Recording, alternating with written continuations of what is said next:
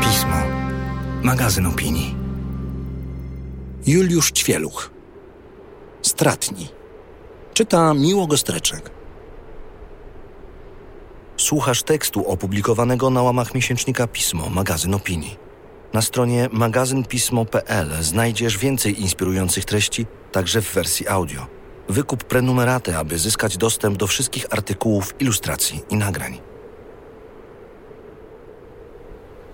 Życie Polaka na emeryturze jest równie szare i bezbarwne jak przed nią. Nie dotyczy osób, które szarego i bezbarwnego życia nie miały. Co roku w Polsce na emeryturę przechodzi około 350 tysięcy osób. Znalezienie świeżo upieczonego emeryta nie jest więc wielkim wyzwaniem. L sam się napatoczył. Do wszystkich zapisanych w służbowej komórce wysłał SMS-a z nowym, prywatnym numerem telefonu. L był urzędnikiem wysokiego szczebla na poziomie powiatu. Zadzwoniłem. Rozmowa średnio się kleiła. Głos miał przygaszony. Kiedy zaczął mówić, że przychodzi taki moment i czas zacząć nowe życie, szybko się rozłączyłem. Bałem się, że rozpłacze mi się w słuchawkę. Wolałem zapamiętać, jak chłodno punktował urzędnicze absurdy. Co, jak się później dowiedziałem, zaprowadziło go na niechcianą emeryturę w pierwszym ustawowym dniu, czyli zaraz po skończeniu 65 roku życia. Drugie podejście do rozmowy też zrobiłem przez telefon. L już w lepszej formie opowiadał o swoim pierwszym dniu na emeryturze, który symbolicznie wypadł 1 września 2019 roku, ale on się czuł, jakby to był wrzesień 1939 roku. W nocy przed oczyma przewijały mu się koszmary, bombardowały go natrętne myśli o przemijaniu, a nad ranem niemal czuł, że umiera.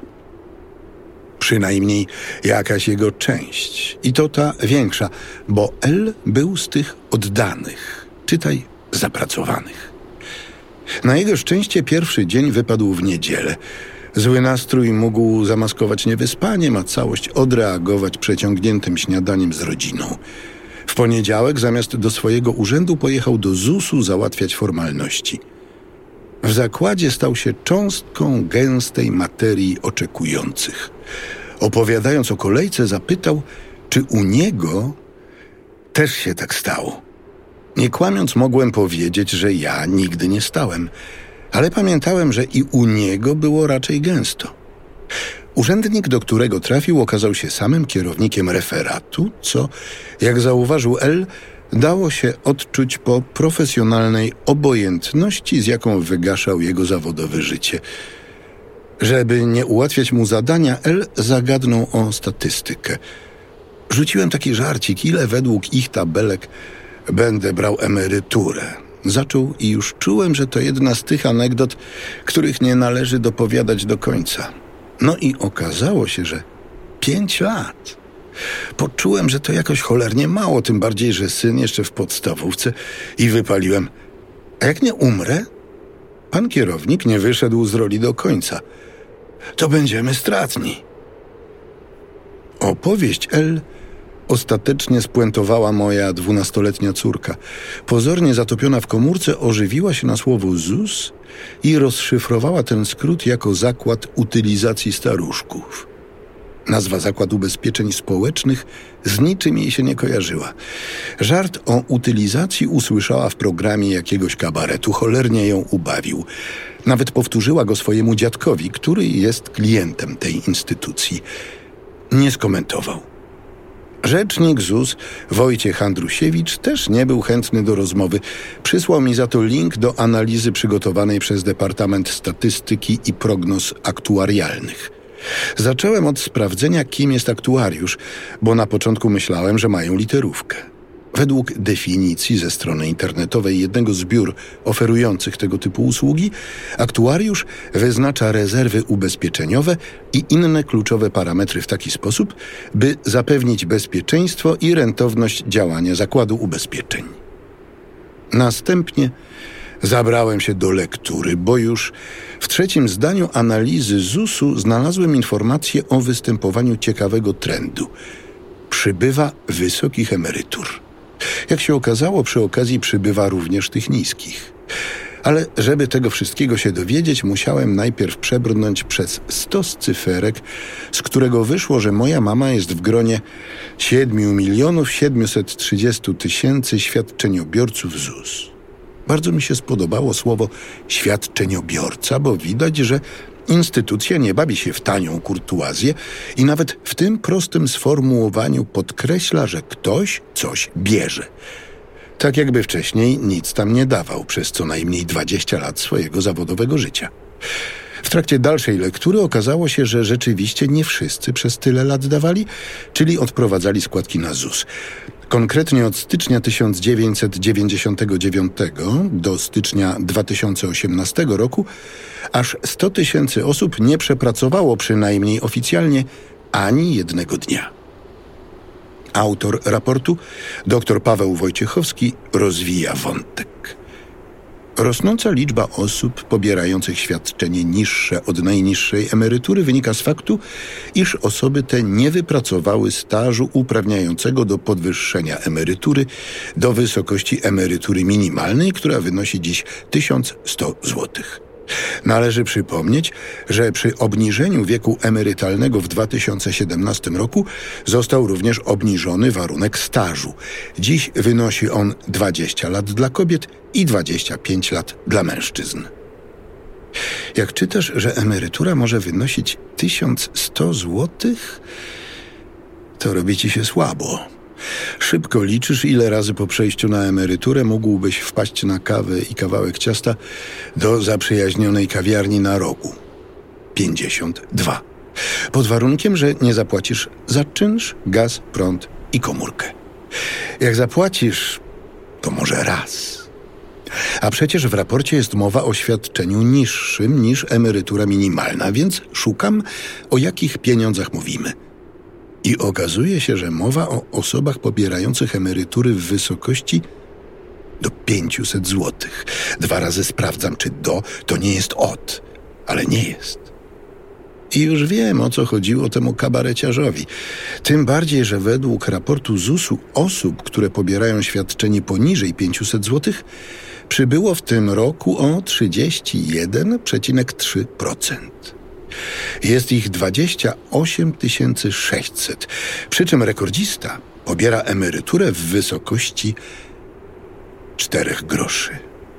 I od razu mam gonitwę myśli. Jak reaguje w sklepie, gdy słyszy, może być bez grosza?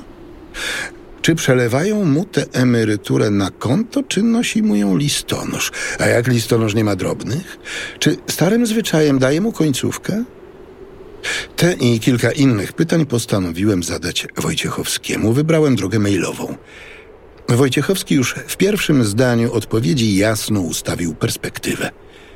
Najważniejsze, aby emeryci mieli pomysł na samych siebie, a nie oglądali się na państwo. Rolą państwa jest zabezpieczenie ryzyka niezdolności do pracy, ale już sposób, w jaki to czyni, może być różny. Emeryci w tym systemie muszą więc sami mieć pomysł na swoją emeryturę, zarówno w sensie dochodów, jak i aktywności życiowej. Oczekiwanie, że państwo ich w tym wyręczy, kreuje sfrustrowanych staruszków, którzy czują się oszukani przez państwo i zwalnia ich samych z przezorności emerytalnej. Zastanawiam się, jaką przezorność emerytalną mogła wykazywać moja matka, której pensja z dodatkami w 1982 roku wynosiła równowartość 16 dolarów amerykańskich. Pewnie mogła nie kupować tych wszystkich książek, które 30 lat później miały wartość śmieciowych obligacji, a może nawet mniejszą, bo mama uparła się, żebyśmy znaleźli bibliotekę, która przygarnie te wszystkie skarby. Skarby, które nie zmieściły się do jej dużo mniejszego mieszkania, do którego musiała się przeprowadzić, żeby móc utrzymać jednoosobowe gospodarstwo domowe. Ostatecznie większość wywiozłem na skup makulatury, który już nie płacił, ale jeszcze wydawał papier toaletowy. Wór papieru toaletowego za pięć worów książek. Ciężko o bardziej symboliczne wyliczenie przezorności emerytalnej mojej matki. Na jej usprawiedliwienie przemawia tylko przykład koleżanek, które dokonywały równie racjonalnych wyborów ekonomicznych. Siłą rzeczy zastanawiam się, jak ci wszyscy ludzie muszą nienawidzić dzieci, którym państwo za samo istnienie wypłaca 500 zł, a przecież nie przepracowały ani jednej godziny.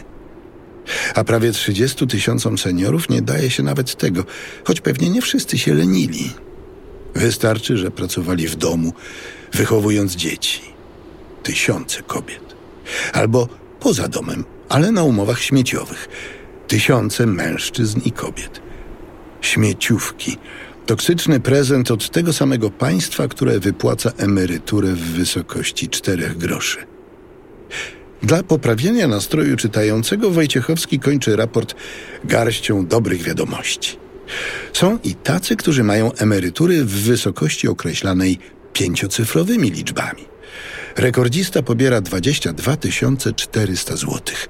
Pracował na nią 57 lat, na emeryturę przeszedł w wieku 81 lat. Nie tylko znalazł się na szczycie drabiny finansowej ZUS-u, ale też zaliczył się do elitarnego grona 427 osób pobierających więcej niż 10 tysięcy złotych miesięcznie. Wysłałem kolejny mail do Wojciechowskiego. Postanowiłem go zapytać, jak to jest przeżyć miesiąc za 300 złotych i kiedy jego zdaniem ci ludzie podpalą siebie, ZUS, a może nawet całe państwo. Tym razem odpisał, że obecnie jest bardzo zajęty. Oblicza, ile będą kosztowały ZUS, te wszystkie obietnice wyborcze, którymi partie do ostatniej śrubki rozkręcą reformę emerytalną. Reformę, która do grobowej deski zapewnić miała zasadę jaka praca, taka płaca. Żeby odreagować, postanowiłem znaleźć jakichś szczęśliwych emerytów. Poszukiwania zacząłem od Aleksandry Wiktorow. Sprytnie wymyśliłem, że zapytam byłą prezes ZUS-u, jaki ma plan na własną emeryturę. We wrześniu kończyła się jej kadencja na stanowisku rzecznika finansowego i nic w jej relacjach z obecną władzą nie wskazywało, że będzie miała szansę na ponowny wybór, o czym zresztą sama mnie poinformowała. Dotychczasowe kontakty z dr Wiktorow nauczyły mnie, że nie trzeba owijać w bawełnę, więc bezczelnie zacząłem naszą rozmowę właśnie od tego. Mój pomysł na emeryturę w skrócie polega na tym, żeby na nią nie przechodzić. Rzuciła bez większego zastanowienia. I jak mi powiedziała, nie była w tym specjalnie oryginalna, bo większość jej znajomych wybrała ten model. Po osiągnięciu wieku emerytalnego nie wygaszają swojej aktywności zawodowej, a co najwyżej ją ograniczają. Biorą mniej wykładów, rezygnują z pełnego etatu, przyjmują mniej pacjentów. Imponujące. Z drugiej strony, znajomi Aleksandry Wiktorow pewnie nie noszą w pracy ciężarów, ani nie przekręcają śrubek przez 8 godzin dziennie, od czego ich kręgosłupy skręcają się jak gwint na tych śrubkach. Z drugiej strony, własne doświadczenia byłej rzecznik finansowej są statystycznie uniwersalne. Z perspektywy prezes ZUS-u widać było, że ludzie dzielą się na dwie kategorie: tych, którzy na emeryturę chcą przejść jak najszybciej, i takich, którzy starają się nie przechodzić na nią wcale albo maksymalnie oddalają ten moment. Tych pierwszych statystyka łączyła ze sobą niskim i średnim poziomem wykształcenia albo wykonywaniem pracy fizycznej. Oczywiście nie jest to żelazna reguła. Ci drudzy mają wzięte zawody, jak choćby lekarz pediatra, których brakuje na rynku pracy. Sprawdziłem. W zeszłym roku 2,5 tysiąca pediatrów miało już ukończony 70 rok życia, a nadal leczyli. Gdyby postanowili jednak przejść na emeryturę, pediatria w Polsce zaliczyłaby spektakularną katastrofę. Pracowali, bo chcieli, ale trochę też musieli. Z perspektywy rubryczek ZUS-u dużo więcej nie było widać, bo zakład właściwie nigdy nie odkrył w sobie socjologicznej żyłki i nie szukał odpowiedzi na pytanie, jak wyglądają wybory życiowe jego klientów. Dlaczego przechodzą na emeryturę? Socjologowie badający decyzje zawodowe Polaków dopowiadali, że najczęstszym powodem przejścia w stan spoczynku są zmęczenie i stan zdrowia. Na drugim miejscu złe relacje w pracy. Z przyczyn, które socjologom umykają, a psychologowie nie podejmują tematu, Polacy nie są w stanie budować dobrych relacji w pracy. Historycy insynuują związki z feudalizmem. Psychologowie mówią o indywidualizmie. Nieważne, jaki izm za to odpowiada, w przeciętnym polskim zakładzie pracy ważniejsze jest zawsze słowo zakład niż praca. Do tego dochodzi długa już tradycja instytucjonalnego wypychania ludzi starszych z rynku pracy, mówi profesor Barbara Szatur-Jaworska, gerontolog. W latach 80. pod hasłem robienia miejsca dla wyżu demograficznego, później na fali przemian pod wieloma innymi hasłami. Wracając do wątku, co robią polscy emeryci, Aleksandra Wiktorow zapamiętała, że była kiedyś na konferencji poświęconej temu zagadnieniu. Uderzyło ją, że są oni europejskimi liderami w kategorii świadczących nieodpłatną pracę, co wpisuje się w szeroko promowany na świecie trend aktywizacji osób starszych. Tyle, że badaczom chodziło głównie o społeczny wolontariat, a w polskim wydaniu można mówić raczej o rodzinnym wyzysku. Etat w pracy po przejściu na emeryturę zamienia się w etat z wieloma nadgodzinami przy wnukach. Pytam Wiktorow, kto organizował konferencję. Okazuje się, że jej koleżanka. Ale nie ma sensu jej szukać, bo po zmianie władzy straciła pracę. Przeszła na emeryturę i trudno złapać z nią kontakt. Podobno zajęła się wychowywaniem wnucząt. Opiekunka do dzieci to wynalazek wielkich miast. W tych mniejszych eksperyment się nie przyjął, przynajmniej nie na szeroką skalę. Zabrakło finansowej podściółki. 25 zł za godzinę pracy opiekunki to w Starachowicach temat na film science fiction. U nas dalej po Bożemu, czyli po naszemu, mówi Iza, która ma dwoje dzieci i do opieki nad nimi zatrudnia własną teściową. Choć pewnie tak by tego nie nazwała. Chłopcy są krnąbrni, ale ciepli w dotyku. Bożena przepracowała ostatnie 10 lat w zakładach mięsnych, głównie na rozbieralni. Od tamtej pory nie lubi białych płytek i dotyku zimnego mięsa. Na osobności mówi, że jest już zmęczona głównie życiem, ale chłopcami też. Dlaczego się nimi zajmuje? Długo milczy. Poprawia okulary, bo od dzielenia mięsa oczy jej się posypały. Gładzi włosy. Zaczynam się zastanawiać, czy sam chcę usłyszeć odpowiedź, bo czuję się potrzebna. Miała już tak w życiu, jak odszedł od niej mąż, że czuła się zupełnie zbędna. Gdy syn podrósł i poszedł na swoje, też to czuła. Ale teraz nie czuję, mnie to wystarczy. W myślach bawię się tym rzadko używanym słowem. Odejmuję sobie wy i zostaje mi starczy. Szczęśliwych emerytów tropiłem więc na Facebooku, w rodzinie, polowałem metodą ślepego strzału, zatrzymując ludzi na ulicach. Jarosława podrzucili mi przyjaciele. Choć staż na emeryturze ma mizerny, to jednak zbudował już sobie z tego opowieść. Zaczyna od metafory, że na emeryturę przeszedł jak zawiadowca zgodnie z życiowym rozkładem jazdy i jak zawiadowca właściwie trochę się już niecierpliwił, że stoi na peronie, a pociągu jeszcze nie ma, choć wcale się nie spóźniał. Stropił się, jak mu powiedziałem, że na stacjach nie ma już zawiadowców. Miałem wrażenie, że go to zmartwiło. Czy poczuł, że rzeczywiście już czas na emeryturę, skoro umykają mu takie rzeczy? A może szkoda mu się zrobiło tych wszystkich niepotrzebnych ludzi? W każdym razie już w pierwszym tygodniu wolnego zaczął pisać książkę, a raczej spisywać, bo materiały przygotowywał już od dawna. Wcześniej w ramach treningu stworzył drzewo genealogiczne rodziny. Długie na kilka metrów nauczyło go, jak pracować z archiwaliami. Teraz będzie pisał. Oczywiście nie chciałbym mówić w szczegółach o czym, ale będzie to epopeja rodzinna z szerokim tłem historycznym. Profesor Barbara Szatur-Jaworska zauważa, że w pierwszych miesiącach po odejściu z pracy wszyscy przeżywają swego rodzaju miesiąc miodowy, kiedy wydaje im się, że wreszcie jest dobrze. Ale ten efekt szybko mija. Wolny czas bez pomysłu na to, jak go zagospodarować, degraduje, mówi. Podobno zwłaszcza mężczyzn, nawet w roli dziadków, wypadają słabo, bo większość z nich nie sprawdziła się już w roli ojców. Dla nich emerytura szybko staje się źródłem udręki, chyba że dalej stawiają sobie cele. Kobietom jest podobno łatwiej, bo lepiej się adaptują. Namiar na panią Martę dostałem od znajomego pośrednika nieruchomości, który pomagał jej kupić mieszkanie na dalekich obrzeżach Warszawy. Zdziwił go ten wybór, a później zachwycił. Zachwytem podzielił się ze mną, bo pani Marta szła pod prąd całego rynku.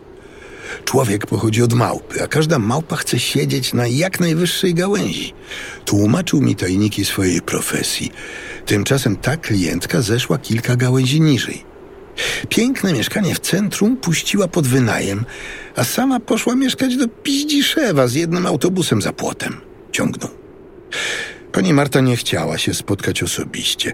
Przez telefon wytłumaczyła mi, że ta zamiana to jej polisa na emeryturę, ale też trening dla niej. Do pracy jedzie teraz godzinę dłużej, ale traktuje to jako ćwiczenie z cierpliwości.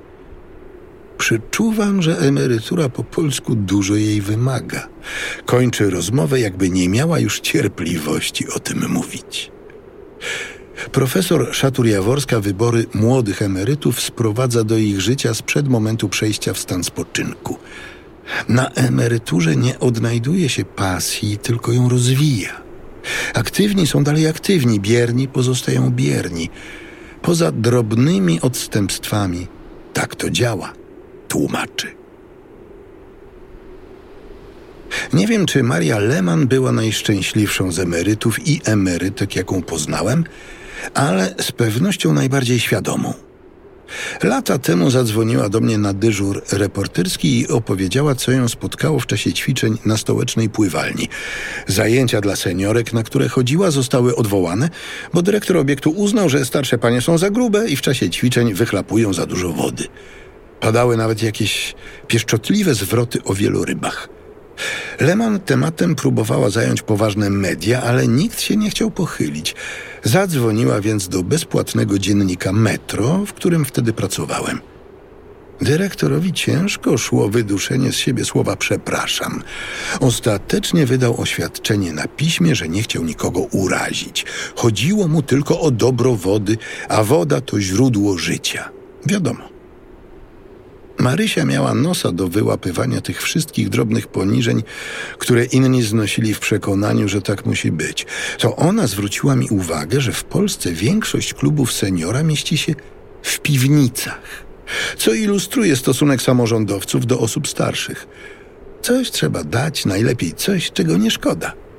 Leman chodziła po mediach i, jak sama mówiła, pyskowała. Z czasem żartowała, że została dyżurną staruszką. Pełniła tę funkcję z godnością i zaangażowaniem. W świecie, w którym pięćdziesięciolatkowie masowo nie mogli znaleźć pracy, bo byli za starzy, ona tłumaczyła, że są jeszcze siedemdziesięcio i osiemdziesięciolatkowie, a nawet starsi, którzy próbują przetrwać w zmieniającym się z dynamiką huraganu świecie. I o nich też trzeba pamiętać. Ale nawet jej się ulewało. W 2010 roku udzieliła mi wywiadu do polityki. Sama o to zagadnęła, bo chyba znów poczuła się jak basenowy wieloryb. Tym razem poszło jej o pracę w jednym z warszawskich domów pomocy społecznej. Miała podnosić jakość życia pensjonariuszy. Potraktowała to serio. Zdaniem dyrektora zbyt serio. Dlaczego prawie dwumetrowy mężczyzna śpi na za małym łóżku? Wszystkie łóżka są tej samej długości, nie można robić wyjątków. Dlaczego pensjonariuszka K nie może trzymać dalej swojego kota? Kot jest źródłem zanieczyszczeń, takie są przepisy. Dlaczego w stołówce nie ma jednorazowych sztućców dla tych, którzy zapomną własnych spokoju? Zakup dodatkowych sztućców generuje koszty, które z pewnością wzrosłyby, bo pensjonariusze chętniej zapominaliby własnych. Dlaczego jest pan takim idiotą? Ale tak naprawdę rozmowa była podszyta jej własnymi lękami. Wy młodzi nie macie świadomości, że starością rządzi lęk. Ludzie starsi żyją w ciągłym strachu przed przyszłością i nieuchronnym zniedołężnieniem. Ciągle zadają sobie pytanie, co z nimi będzie, czy ktoś się nimi zaopiekuje, jak już sami nie będą dawać sobie rady. Życie w napięciu wywołuje trudne dla otoczenia zachowania. Ustawiczne telefony, domaganie się uwagi to nic innego jak wołanie: Zaopiekujcie się mną. A tobą kto się zaopiekuje? zapytałem. Odpowiedziała, że obiecał jej to Marcin. Syn. Później kontakt nam się urwał. A może to ja go urwałem? Wybierając po latach jej numer, zastanawiałem się, czy przez ten czas go nie zmieniła. Męski głos w słuchawce, a więc zmieniła. Pytam rozmówcę, czy zna nowy numer Marii Lehmann. Mówi Marcin, mama odeszła w marcu, teraz to mój numer. Jakoś nie potrafiłem się z nim rozstać. Marcin zgodnie z obietnicą asystował jej do końca. Po drodze obserwując, jak rak ścierał ją jak gumka. Wyłączał poszczególne życiowe przyjemności, a później funkcje. Przy okazji asystowania Marcin zapisywał własne frustracje i upokorzenia – Chce je wydać, tylko musi oczyścić ze skowytu, jakim zalewał stronę po stronie przy okazji kolejnych kontaktów ze służbą zdrowia, albo, jak wolała mówić Marysia, z sektorem zdrowia, bo ze służbą nie ma to nic wspólnego. Okazało się, że poza udarem ziściło się wszystko, o czym wspomniała w naszej rozmowie. Boję się chorób, najbardziej udaru i nie tylko dlatego, że nie mogłabym się poruszać i komunikować, ale wiem, że przy polskiej służbie zdrowia byłby to dla mnie wyrok. Jak przystało na syna dyżurnej emerytki, Marcin zaangażował się w pracę z seniorami. Działa dwukierunkowo. W Centrum Samopomocy Mieszkańców Sami Sobie przy ulicy Tarczyńskiej 11 w Warszawie prowadzi dla nich zajęcia z obsługi smartfonów. Na Uniwersytecie Humanistyczno-Społecznym SWPS ma natomiast wykłady dla studentów psychologii na temat relacji z osobami starszymi. Sam nie wie, komu jest trudniej przekazać wiedzę. Dla młodych starość jest równie abstrakcyjna, jak dla starych wirtualna rzeczywistość. Jedni i drudzy muszą się zrozumieć, żeby obydwa światy mogły się połączyć. Trzymając się języka informatyków, na razie siła sygnału jest słaba, z tendencją do zanikania. Marcin patent na studentów znalazł w siedmiu fazach przechodzenia na emeryturę, które opisał Robert C. Etchley, amerykański socjolog i gerontolog. Etchley był na tyle przenikliwy, że pierwszą fazę wyodrębnił już w wieku średnim, kiedy człowiek o emeryturze właściwie nie myśli. A jeśli zdarzy mu się taka myśl, to jest ona raczej mglistym wyobrażeniem czegoś, co czai się nie za zakrętem, ale za siedmioma górami. Większość młodych słuchaczy Marcina nie jest nawet w tej fazie. Nie przeczuwają także kolejnych, w których od coraz częstszego myślenia o nieuchronnej emeryturze, faza druga, przechodzi się do euforii, faza trzecia, związanej z poczuciem wolności od pracy i snuciem planów wykorzystania wolnego czasu. Faza czwarta to nieuchronne rozczarowanie. Jak opisał to Etchley, zajęcia i formy aktywności realizowane na emeryturze okazują się często mniej interesujące niż można było oczekiwać. Dopiero w piątej fazie człowiek zaczyna zdawać sobie sprawę z rzeczywistego obrazu emerytury, co pozwala przejść do fazy szóstej – w której stajemy się najlepiej do niej przystosowani. I kiedy już się to osiągnie, najczęściej przychodzi faza siódma, a wraz z nią choroby i niedołężność. Na zajęciach dla seniorów Marcin ma już doświadczonych emerytów, a raczej emerytki, bo panowie są w odwrocie. Kobiety, które przerobiły już większość faz Atchleya, ale jeszcze o siebie walczą. Zresztą zaprasza mnie na najbliższe zajęcia, żebym sam wyrobił sobie zdanie. Przybiegam nieco spóźniony, to błąd, bo panie już są. Mają przed sobą rozłożone zeszyciki i pilnie notują. Czasem słowo w słowo, co rodzi nieporozumienia.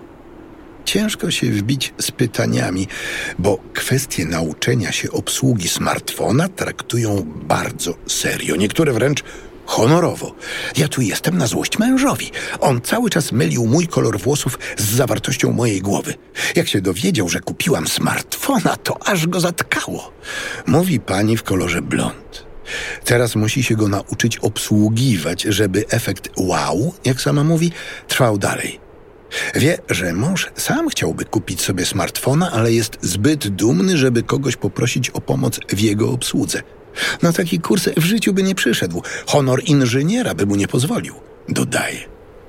Pozostałe kursantki ze zrozumieniem wzdychają i kiwają głowami, choć połowa z nich swoich mężów już pochowała. Dzisiejsza lekcja jest poświęcona łączeniu się z siecią Wi-Fi. Na początku Marcin zaleca krótką rozgrzewkę spacania, czyli takiego dotykania ekranu, żeby telefon słuchał się właściciela.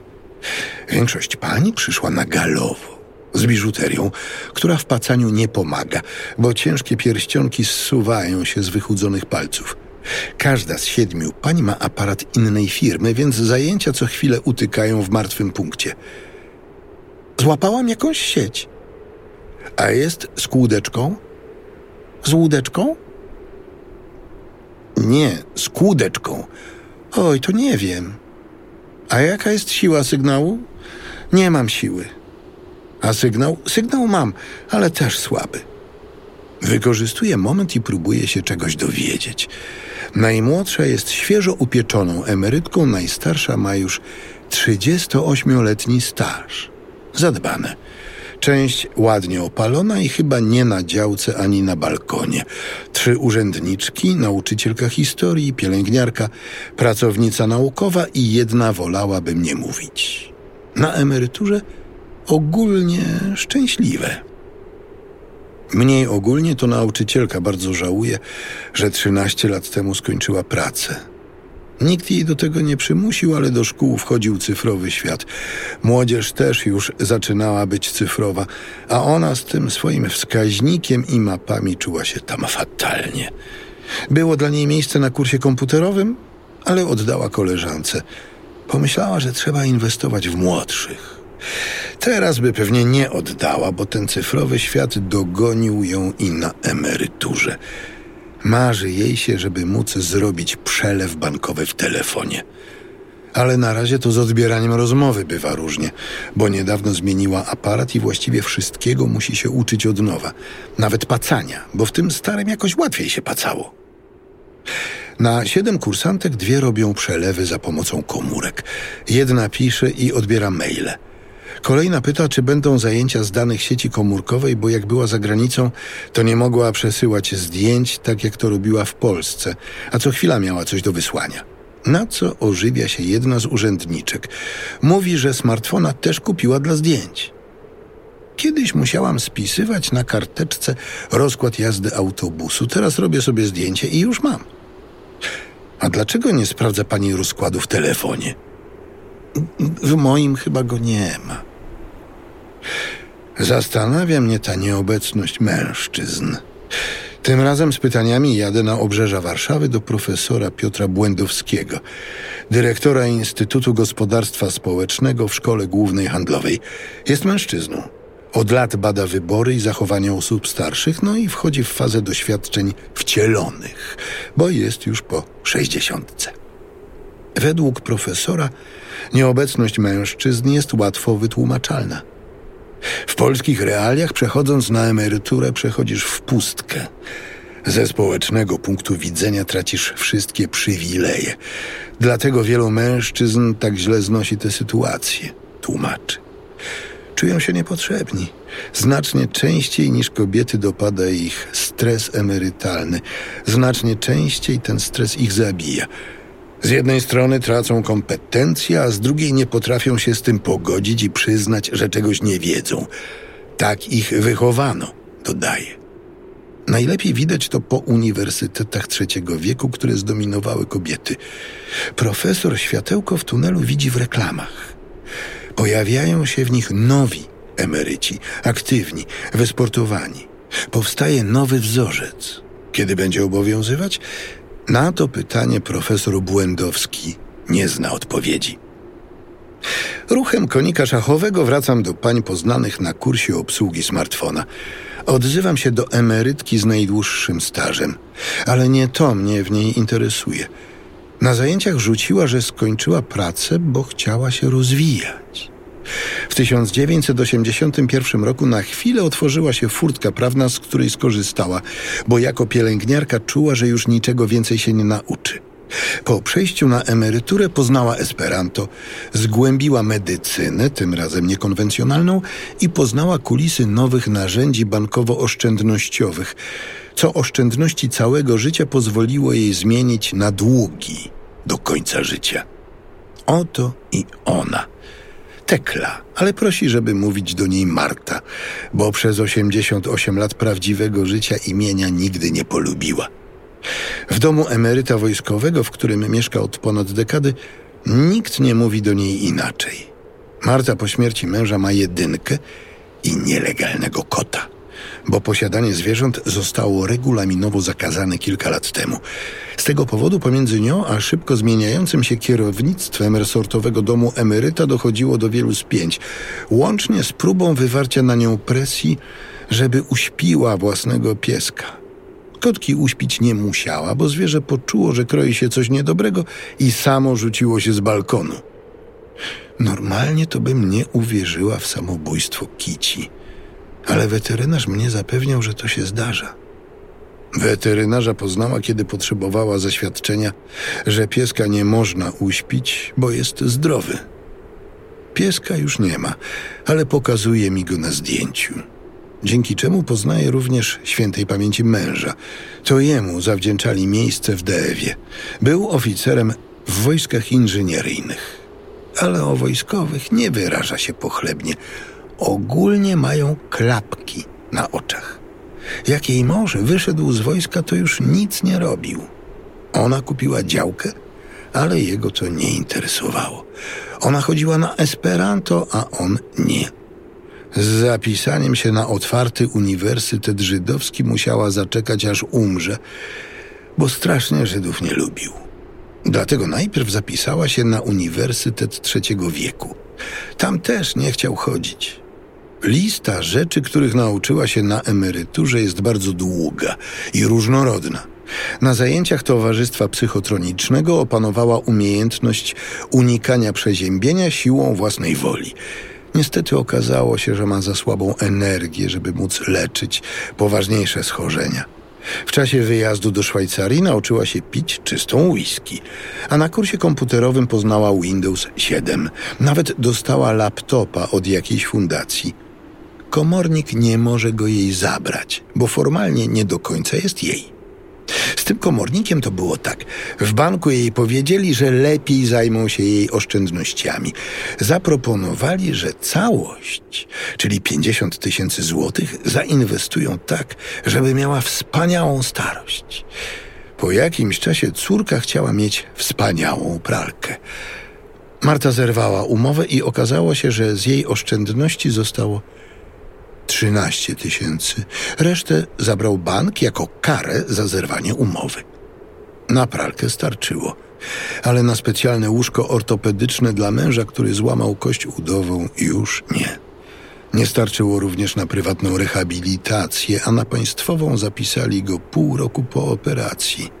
Pampersy też ją mocno uderzyły po kieszeni. Za jej czasów ich nie było, to nawet nie wiedziała, że to taka drożyzna. Długi trzymają ją przy życiu i nawet jej w tym życiu pomagają.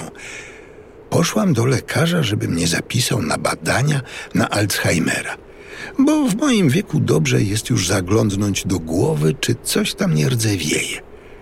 Z terminami było krucho, ale powiedziałam lekarzowi, że musi mi coś znaleźć, bo ja mam długi i muszę długo żyć. Reportaż ukazał się w 23 numerze miesięcznika Pismo, magazyn opinii. Czytał Miło Gostreczek.